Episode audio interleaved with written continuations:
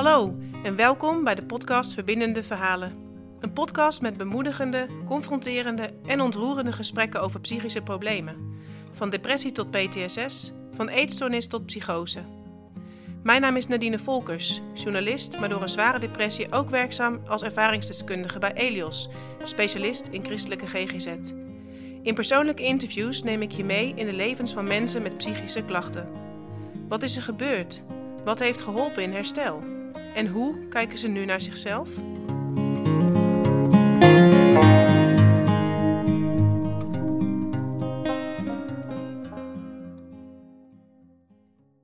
Welkom bij deze nieuwe podcast. Vandaag is Henriette te gast. Ze groeide op in een groot gezin met zeven kinderen, waarvan zij de middelste was. In zo'n groot gezin wordt natuurlijk heel wat afgeruzied en Henriette voelde dat er weinig ruimte was voor haar gevoelens en emoties. Op school werd ze gepest, waardoor ze zich zowel daar als thuis niet veilig voelde en niet zichzelf kon zijn. Toen ze stopte met de HAVO om een MBO-opleiding te gaan volgen, werd Henriette ineens wel geaccepteerd door klasgenoten. Ze kreeg een vriendje, maar al die positieve gebeurtenissen verwarden haar. Wie was ze dan als ze het ene moment zo gepest kon worden en het andere moment zo geliefd kon zijn? Ze kreeg depressieve gevoelens en raakte in zo'n negatieve spiraal dat ze zichzelf pijn begon te doen en niet meer wilde leven. Een groepsbehandeling waarbij ze therapie kreeg en onderwijs volgde, bracht een ommekeer in het leven van Henriette. Ze ervoer steun van behandelaren en groepsgenoten en vond steun bij God, aan wie ze op een dag vroeg of hij deze ervaring ten goede wilde gebruiken. Dat gebeurde, want Henriette gebruikt nu haar eigen verhaal om jongeren die kampen met psychische klachten te helpen. Welkom Henriette. Dank. Fijn dat je er bent. Yes. Um, eventjes, hoe anders is de Henriette die nu tegenover mij zit ten opzichte van een aantal jaren geleden? Nou, toch wel heel, uh, heel anders, ja. Ja, ik heb mezelf echt uh, veel beter leren kennen. Um, ook wel door mijn opleiding social work die ik uh, na mijn mbo ben gaan volgen. daar leer je natuurlijk heel veel reflecteren. Dus naast mijn behandeling, waarin ik dat ook al een beetje leerde, heb ik dat bij de opleiding ook wel echt heel, heel erg goed geleerd. Ja, wat is het grootste verschil voor jouzelf, merkbaar? Um, ja, ik sta gewoon veel positiever in het leven. Um, ik weet wat ik kan en wat ik niet kan. En ik weet ook um, nou ja, mijn kwetsbaarheden daarin. En als ik die tegenkom, dan weet ik ook van, oh, dit is een tr trigger. hier mag ik even me zo naar bij voelen. Of uh, ja, eigenlijk dat vooral. En, en dat ik dan ja, dat accepteer van mezelf en het er even laat zijn. En vervolgens ga ik dan ook weer door met de dingen ja, die uh, toch doorgaan in het leven. Um, dat eigenlijk. Kun je daar een voorbeeld van geven? Van als er iets gebeurt wat een trigger is voor jou, waardoor jij. Um, ja, bijvoorbeeld op mijn werk, dan kan ik soms nog wel eens um, nou, feedback krijgen. Nou, dat is bij mij best nog wel een dingetje, omdat ik best wel veel uh, negatief commentaar heb gehad vroeger. Um, en als ik nu dan feedback krijg wat ook wat negatiever is, dat moet ook gezegd worden natuurlijk. Want hè, ik maak ook fouten, ik ben ook een mens. Dus tuurlijk zijn er dingen die, die verbeterd moeten worden. Um, maar dat, dan merk ik wel gelijk dat ik daar soms heel heftig op kan reageren. En dan um, weet ik ook van, uh, ja, dit is gewoon weer even die rode knop van mij, die daar even niet zo goed tegen kan. En dan laat ik het even voor wat het is. en dan pak ik het de volgende werkdag weer op. en ja, zo ga ik er eigenlijk mee om. Ja, dat lijkt me een heel leerproces. Ja, zeker. Dat was het ook. Het heeft zes jaar geduurd. Ja, nou ja, dat, uh, dat is ook uh, trouwens herkenbaar voor mij. Ja, dat is de, de, hoe het erin komt, hoe je patronen opbouwt, dat gaat, duurt lang. Maar hoe je ze weer verandert, of die rode knop, wat jij zo mooi beschrijft, hoe je die ja. uh, nou ja, misschien wat minder laat oplichten, dat is ook een heel proces. Um, ja, um, wanneer wist, merkte jij van, hé, hey, het gaat echt nu niet goed met mij? Um, ja, dat is eigenlijk in de eerste van het MBO geweest. Dat was 2014, uh, eh, als ik het goed zeg.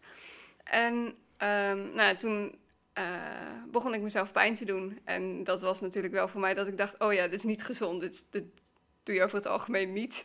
Um, dus, dus toen wist ik wel uh, dat het niet goed ging. Ja. Wat heb je toen gedaan? Uh, erkennen is, uh, of merken dat je iets doet wat niet zo handig is, is één ding. Maar hulp zoeken is misschien nog iets anders. Ja, na een poosje heb ik het uh, toen tegen mijn beste vriendin verteld. Um, en vervolgens zijn we naar de mentor gegaan die wij toen hadden. nou ja, en vervolgens is dat eh, met school ook, het schoolmaatschappelijk werk opgepakt. En ben ik ook weer doorgestuurd naar een psycholoog, waar ik een half jaar heb gezeten voordat ik toen in crisis raakte. En wat betekent dat, in crisis? Um, nou ja, eigenlijk was het op dat moment dat ik het leven echt zo niet meer zag zitten dat ik niet meer wilde leven. En um, ja, daardoor ben ik eigenlijk, uh, dat heb ik toen gezegd tegen de, de, psycholoog um, waar ik toen was. En toen heeft hij daar actie op ondernomen en de, uh, het crisisteam ge, gebeld. En um, nou, daar ben ik, ben ik toen geweest.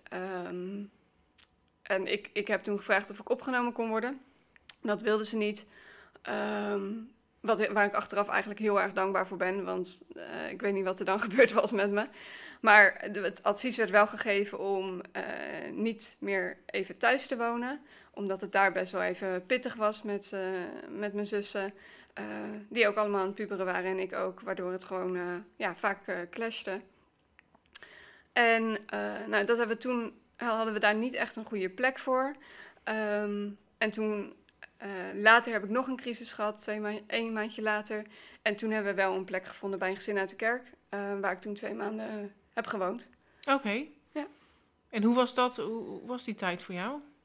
Um, ja, was heel goed. Bracht veel meer rust. Ik had daardoor, nou, daar had ik gewoon mijn eigen kamer. Um, en ik at, at dan met die, met die mensen. Um, het waren, uh, ja, twee, uh, het was een getrouwd stel. Um, verder zelf zonder kinderen, waardoor er ja, gewoon eigenlijk echt volkomen rust was daar. Um, en ik had natuurlijk wel mijn uh, taakjes in het huishouden en ik liet de hond elke avond nog even uit. Ja, dat soort dingen. En dat, dat heeft mij heel veel rust gebracht. Ja. ja. ja. En uiteindelijk heb je ook een. Ben je daarna die deeltijdbehandeling gaan volgen? Ja. Kun je ja. daar iets over vertellen hoe dat eruit zag? Ja, ik ben toen uh, na twee maanden um, zag ik het eigenlijk weer zo zitten dat ik weer thuis ben gaan wonen volledig. Ik had natuurlijk daarvoor al een paar weekendjes thuis weer gedaan en dat ging eigenlijk heel goed. Dus toen ben ik weer thuis gaan wonen en tegelijkertijd de deeltijdbehandeling uh, ben ik toen opgestart. Het is een traject van 14 weken um, met, uh, waar ze eigenlijk school oppakken en behandeling. Dus dat is vijf dagen in de week.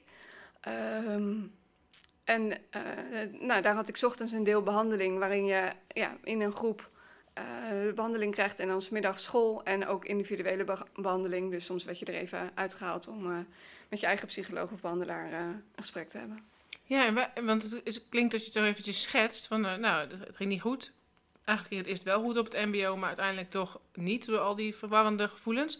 Je hebt een psycholoog, ineens is er ga je bij een gezin wonen, uh, deeltijdbehandeling, dat best wel een, een snel een opeenstapeling van ineens helemaal je uh, anders leven, zeg maar, ja. de, wat je hebt gedaan. Ja. Waarom kon je niet gewoon weer bij je ouders gaan wonen en de MBO-opleiding gaan volgen? Nou, omdat ik kreeg toen een behandeling, één keer per week, en het bleek gewoon, ik, ik had dat, hè, dat half jaar had ik dat gedaan, toen raakte ik in crisis en het bleek daardoor gewoon dat het echt te weinig was, die één keer per week. Hmm. Um, en ook twee keer per week heb ik toen in, de periode, in een korte periode nog gehad. Uh, toen ik dus bij dat gezin ook uh, uh, woonde. En ja, dat bleek ook gewoon dat dat nog steeds niet voldoende was. Er was echt even intensievere hulp nodig, zodat ik ja, beter kon omgaan met mijn eigen emoties en gevoelens. En um, ja, ja, dat ik weer sterker in mijn schoenen kwam te staan in die zin. Um, dus, dus dat intensieve was gewoon wat no ja. ja, echt nodig was. Want wat voor school volg je dan als je die... Want je hebt dan deels dus behandelingen, deels school, maar... Ja, uh, dat is heel goed geregeld eigenlijk wel bij die deeltijdbehandeling. Daar wordt het schoolprogramma van je eigen school gewoon gevolgd. Um, dus, dus je volgt eigenlijk allemaal individueel les, maar er zijn wel twee docenten die je kunnen helpen als je dat nodig hebt. Um, en ik heb een stage minder hoeven doen vanuit mijn school. Uh, van tien weken, waardoor ik eigenlijk de toetsen vanuit één periode van tien weken kon verspreiden over veertien weken. En nou ja, daardoor heb ik eigenlijk um, gewoon mijn opleiding in die drie jaar tijd uh, die ervoor stond, gewoon kunnen halen. Maar wel een stage minder, maar dat, uh, dat mocht toen. Ja. Wat bijzonder. Ja, ja. zeker. Ja. Je zegt, daar heb ik veel aan gehad. Wat, wat, waar zat hem dat dan in, dat je er zoveel aan gehad hebt? Um, nou, vooral de groep was heel erg fijn. Um, die wisselde natuurlijk wel met steeds deelnemers. Maar we hebben echt hele uh, fijne tijd daar gehad. Ik was ook de oudste van de groep, wat mij best wel hielp om sterk in mijn schoenen te staan daar. heeft me heel veel zelfvertrouwen gegeven. Ehm, ik werd soms ook als het moedertje van de groep gezien. Ook uh, stond dat nog wel in mijn verslag. Later zag ik uh, dat ik, ehm, nou, in het verslag van de behandelaren, zeg maar, stond ook van ze, ze werpt zich op als moeder van de groep. en um, ja, ik, eigenlijk daardoor heb ik mij veel, ja, heb ik mij veel meer sterker in mijn schoenen ja, voelen staan. En ja, ook gewoon de vaardigheden die je, die je aan, aanleert. Dus ik, ik zag altijd gereedschap in je rugzak. Um, en ik heb daar veel meer tools voor gekregen. Hoe ik om moet gaan met als je even in een dipje zit. En hoe je er dan weer bovenop komt. We hadden bijvoorbeeld een plezierige activiteitenlijst. Um, nou ja, waarop gewoon stond als je even niet zo prettig voelde. Waar heb je dan wel zin in om te doen?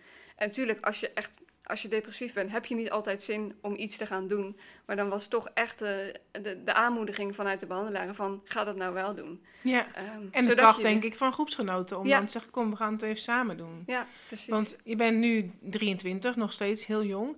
het nieuws staat nog steeds bol van dat jongeren ontzettend veel kampen met mentale problemen. Hoe belangrijk vind jij dat er aandacht voor is? Ja, superbelangrijk. Want ik, ik denk ook gewoon dat het waar is. Ik las vanochtend nog inderdaad een artikel erover. Dat ik dacht, ja, um, meisjes die zich ongelukkiger voelen dan vier jaar geleden, volgens mij, zoiets dergelijks was het. En dat ik dacht, ja, dat had ik, had ik je ook wel kunnen vertellen. Dat, ja, het, ja, dat het nu uit wetenschappelijk onderzoek blijkt, dat verbaast mij echt totaal niks. En ja, ik denk dat het alleen maar beter is hoe.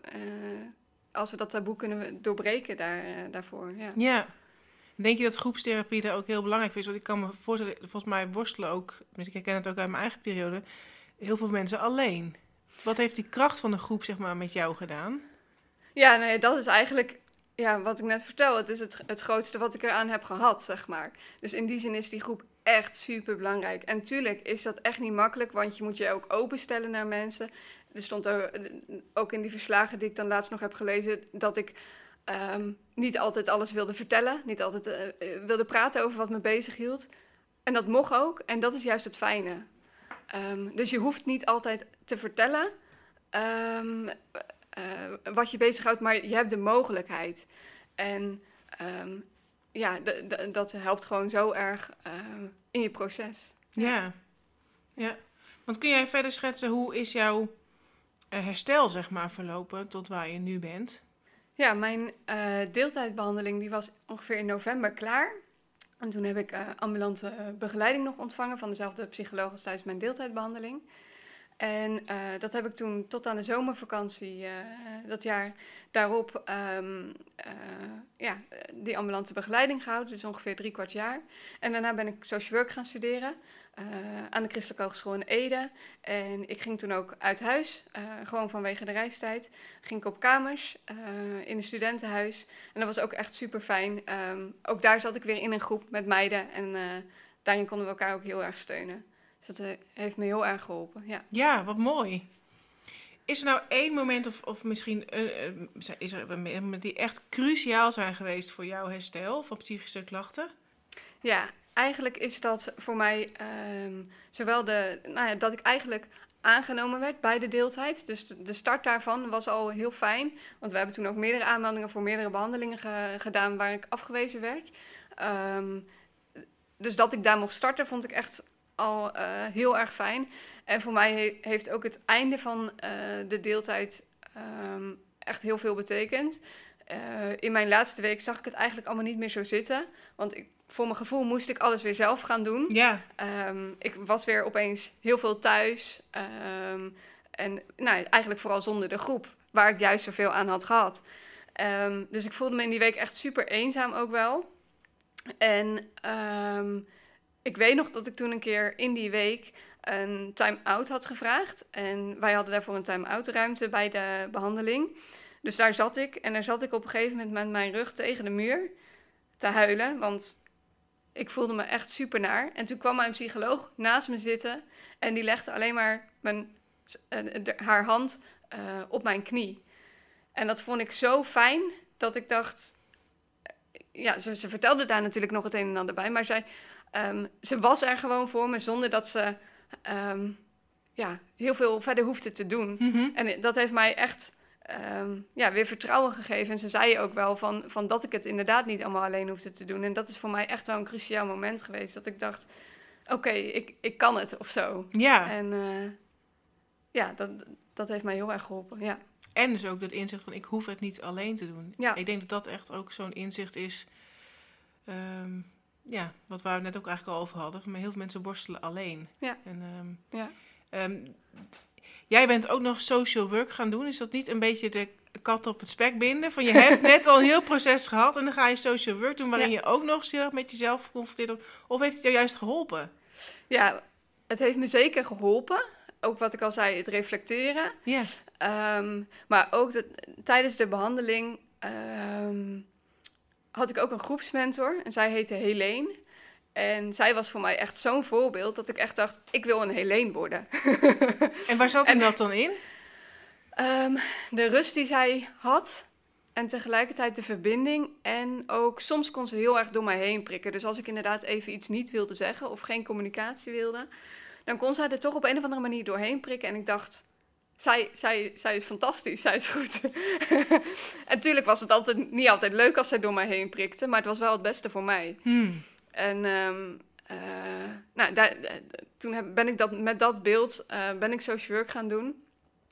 Ook omdat ik op mijn achttiende klaar was met mijn mbo-opleiding. Toen kon ik gaan werken, maar ik dacht, ja, ga ik nu al werken? Ga ik dan mijn hele leven werken? Daar had ik niet zoveel zin in nog. Dus ik dacht, dat ga ik dan doen.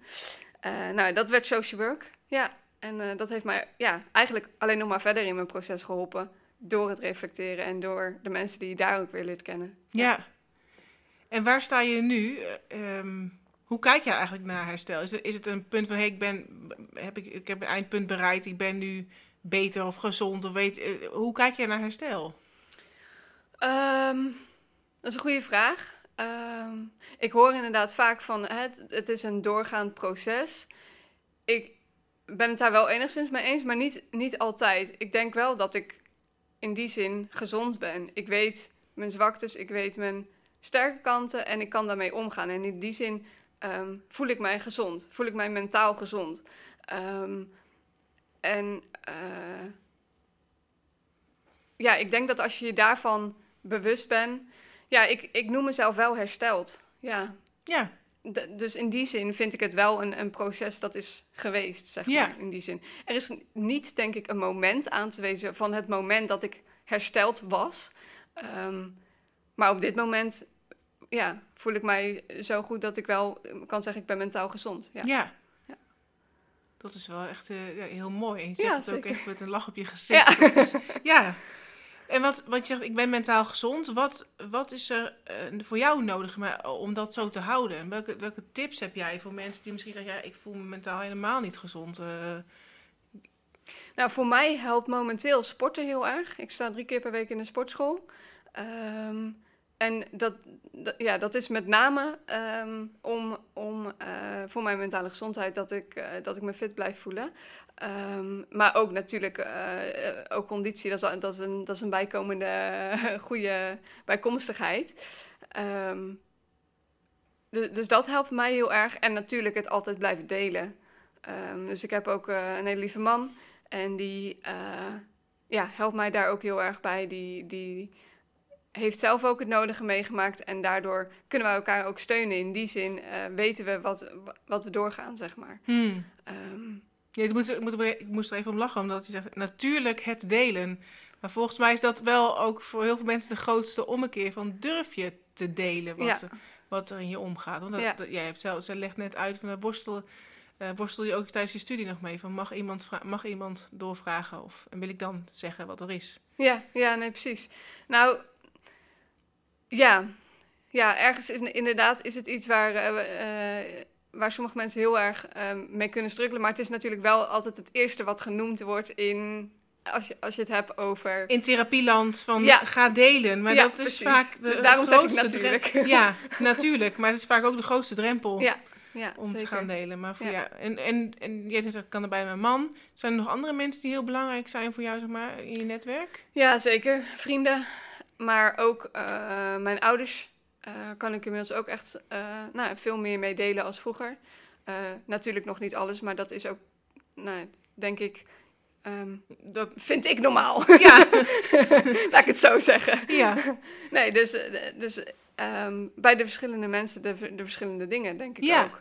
Ehm, en op de een mag je meer leunen als op de ander. En, Ja. dat is heel fijn. ja. En waar was God in jouw psychisch lijden? Eh, nou, ik vond het al heel mooi wat jij zei inderdaad in de intro. Ehm, ik heb eh, eh, nou, tijdens de deeltijdbehandeling en, en daarvoor heb ik eigenlijk niet zo heel veel ehm, nagedacht over geloof en over God. Ik wist wel, het, het stond voor mij altijd wel vast dat hij er was. Ehm, dat hij er is. Maar ik, ik was er gewoon minder mee bezig.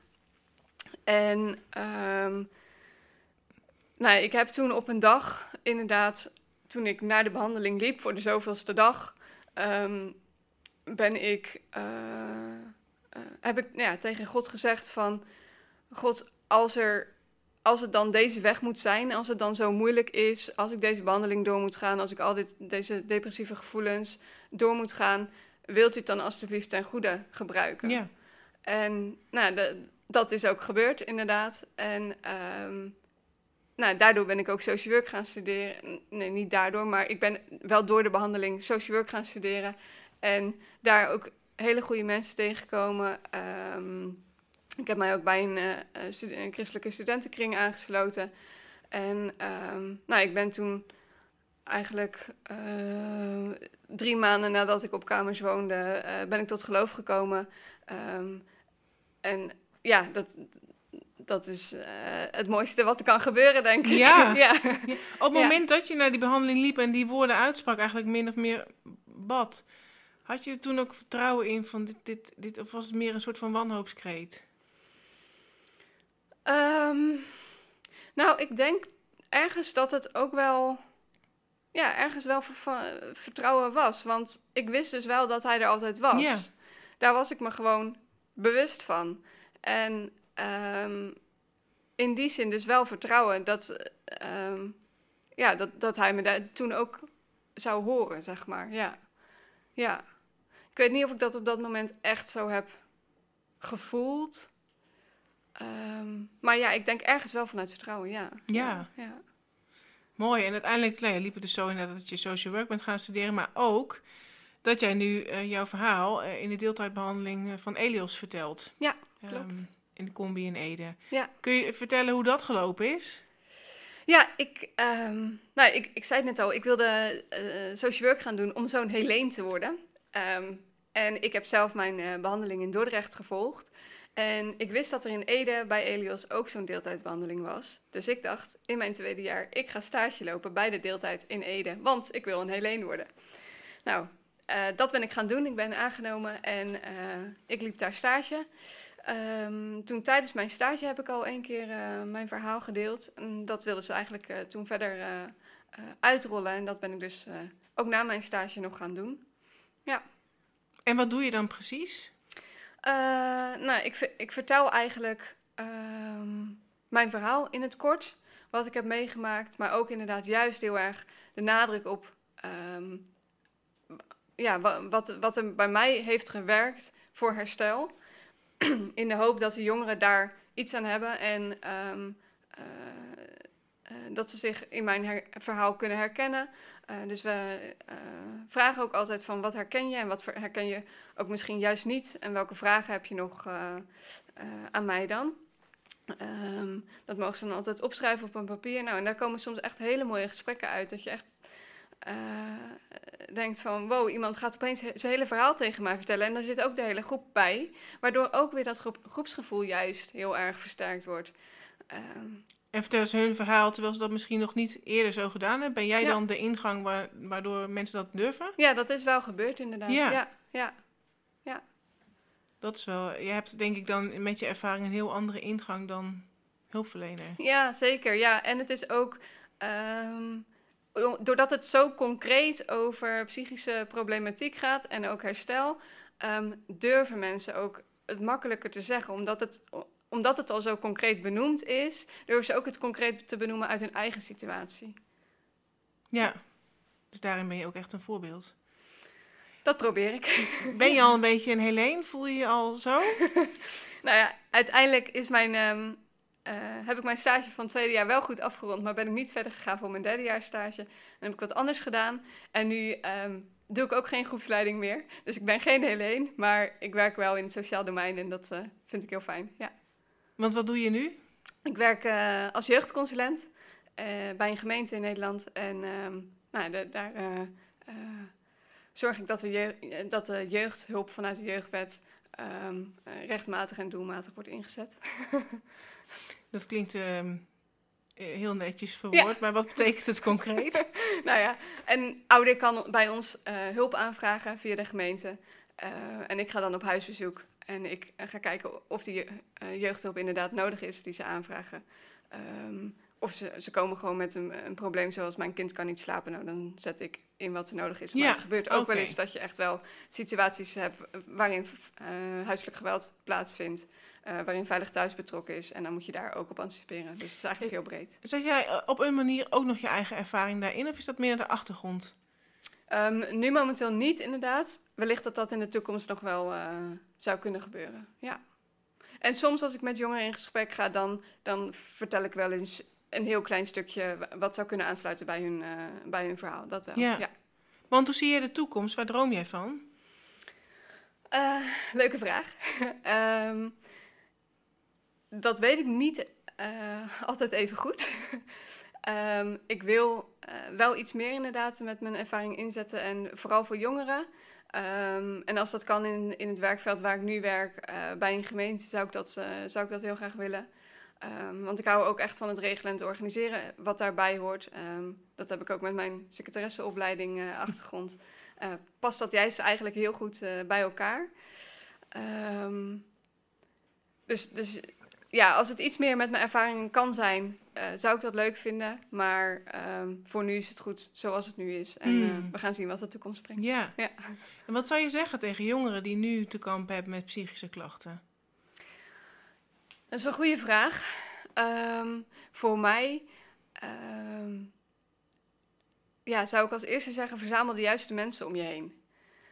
Um, dus echt waarmee je kan delen, waarmee je kan uh, spreken over wat jou bezighoudt en uh, waar je mee zit. Uh, want die eenzaamheid die je soms als jongere of als nou, volwassene kunt ervaren, is gewoon zo slopend en zo, uh, ja, zo verschrikkelijk dat je dat, dat moet je echt nou ja, vanuit jezelf ergens toch weer om te zien zetten om, om toch de juiste mensen te verzamelen in je, in je netwerk. Um, want ja, je mag er eigenlijk ook op vertrouwen dat jij gewoon leuk genoeg bent om um, nou ja, met mensen te, te zijn. En als jij op dat moment even iets meer nodig hebt van de ander, um, dan mag dat ook.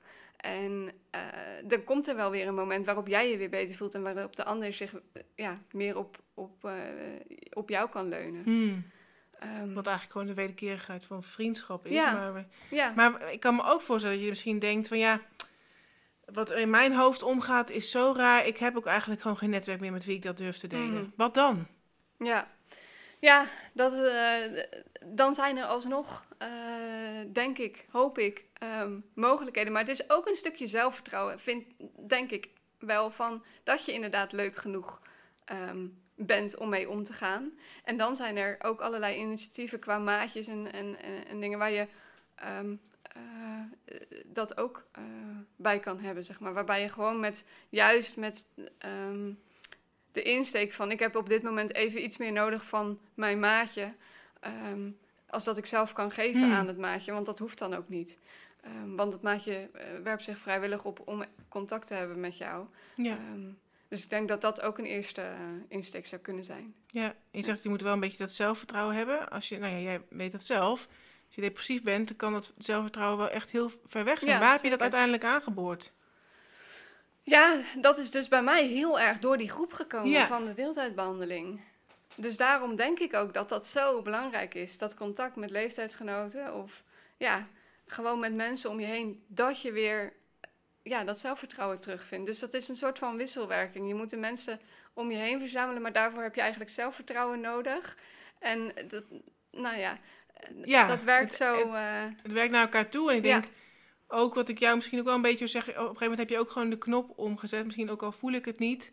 Ik, ik ga toch wel handelen vanuit wat ik hier allemaal leer, zeg maar. Ja. Wat ik ja. hier aangereikt krijg. En misschien voel ik dat zelfvertrouwen nu nog niet, maar... ik- ja, je moet het op een gegeven moment gaan doen. En inderdaad die knop omzetten, ja. ja. En dat is heel makkelijk gezegd, hè. Maar Ja, ja, dat is waar we het eerder over hadden. De patronen die erin slijten, die haal je ook niet zomaar weer eruit. Nee, en dat is ook een heel proces. ja, ja. Is dat het ook nog misschien eh, als tip van geef het de tijd? Want hoe lang... eh we, natuurlijk al, we leven wel in een snelle maatschappij van, van quick fixes. ja, accepteren dat het er is, je gevoelens accepteren. Oh, dat is ook zo, eh, zo belangrijk, maar zo moeilijk. ja, Ja, ja, ja. Dus echt eh, jezelf de tijd gunnen om, eh, om je ook even depressief te voelen. En om een dag op je bed te liggen, maar dan tegen jezelf zeggen: de volgende dag ga ik wel weer eruit. ja. Eh, ja, Mooi. Dankjewel voor het delen van jouw verhaal. graag gedaan.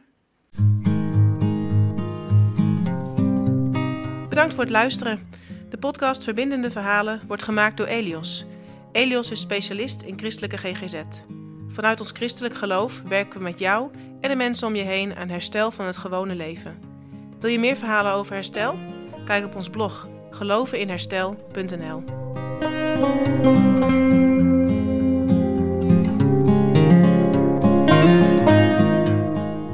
Wil je dat meer mensen deze podcast horen? Deel hem dan via je eigen social media of geef de podcast een like, zodat we in de toekomst meer mensen kunnen bereiken met hoopgevende verhalen over leven met psychische klachten. Tot de volgende aflevering.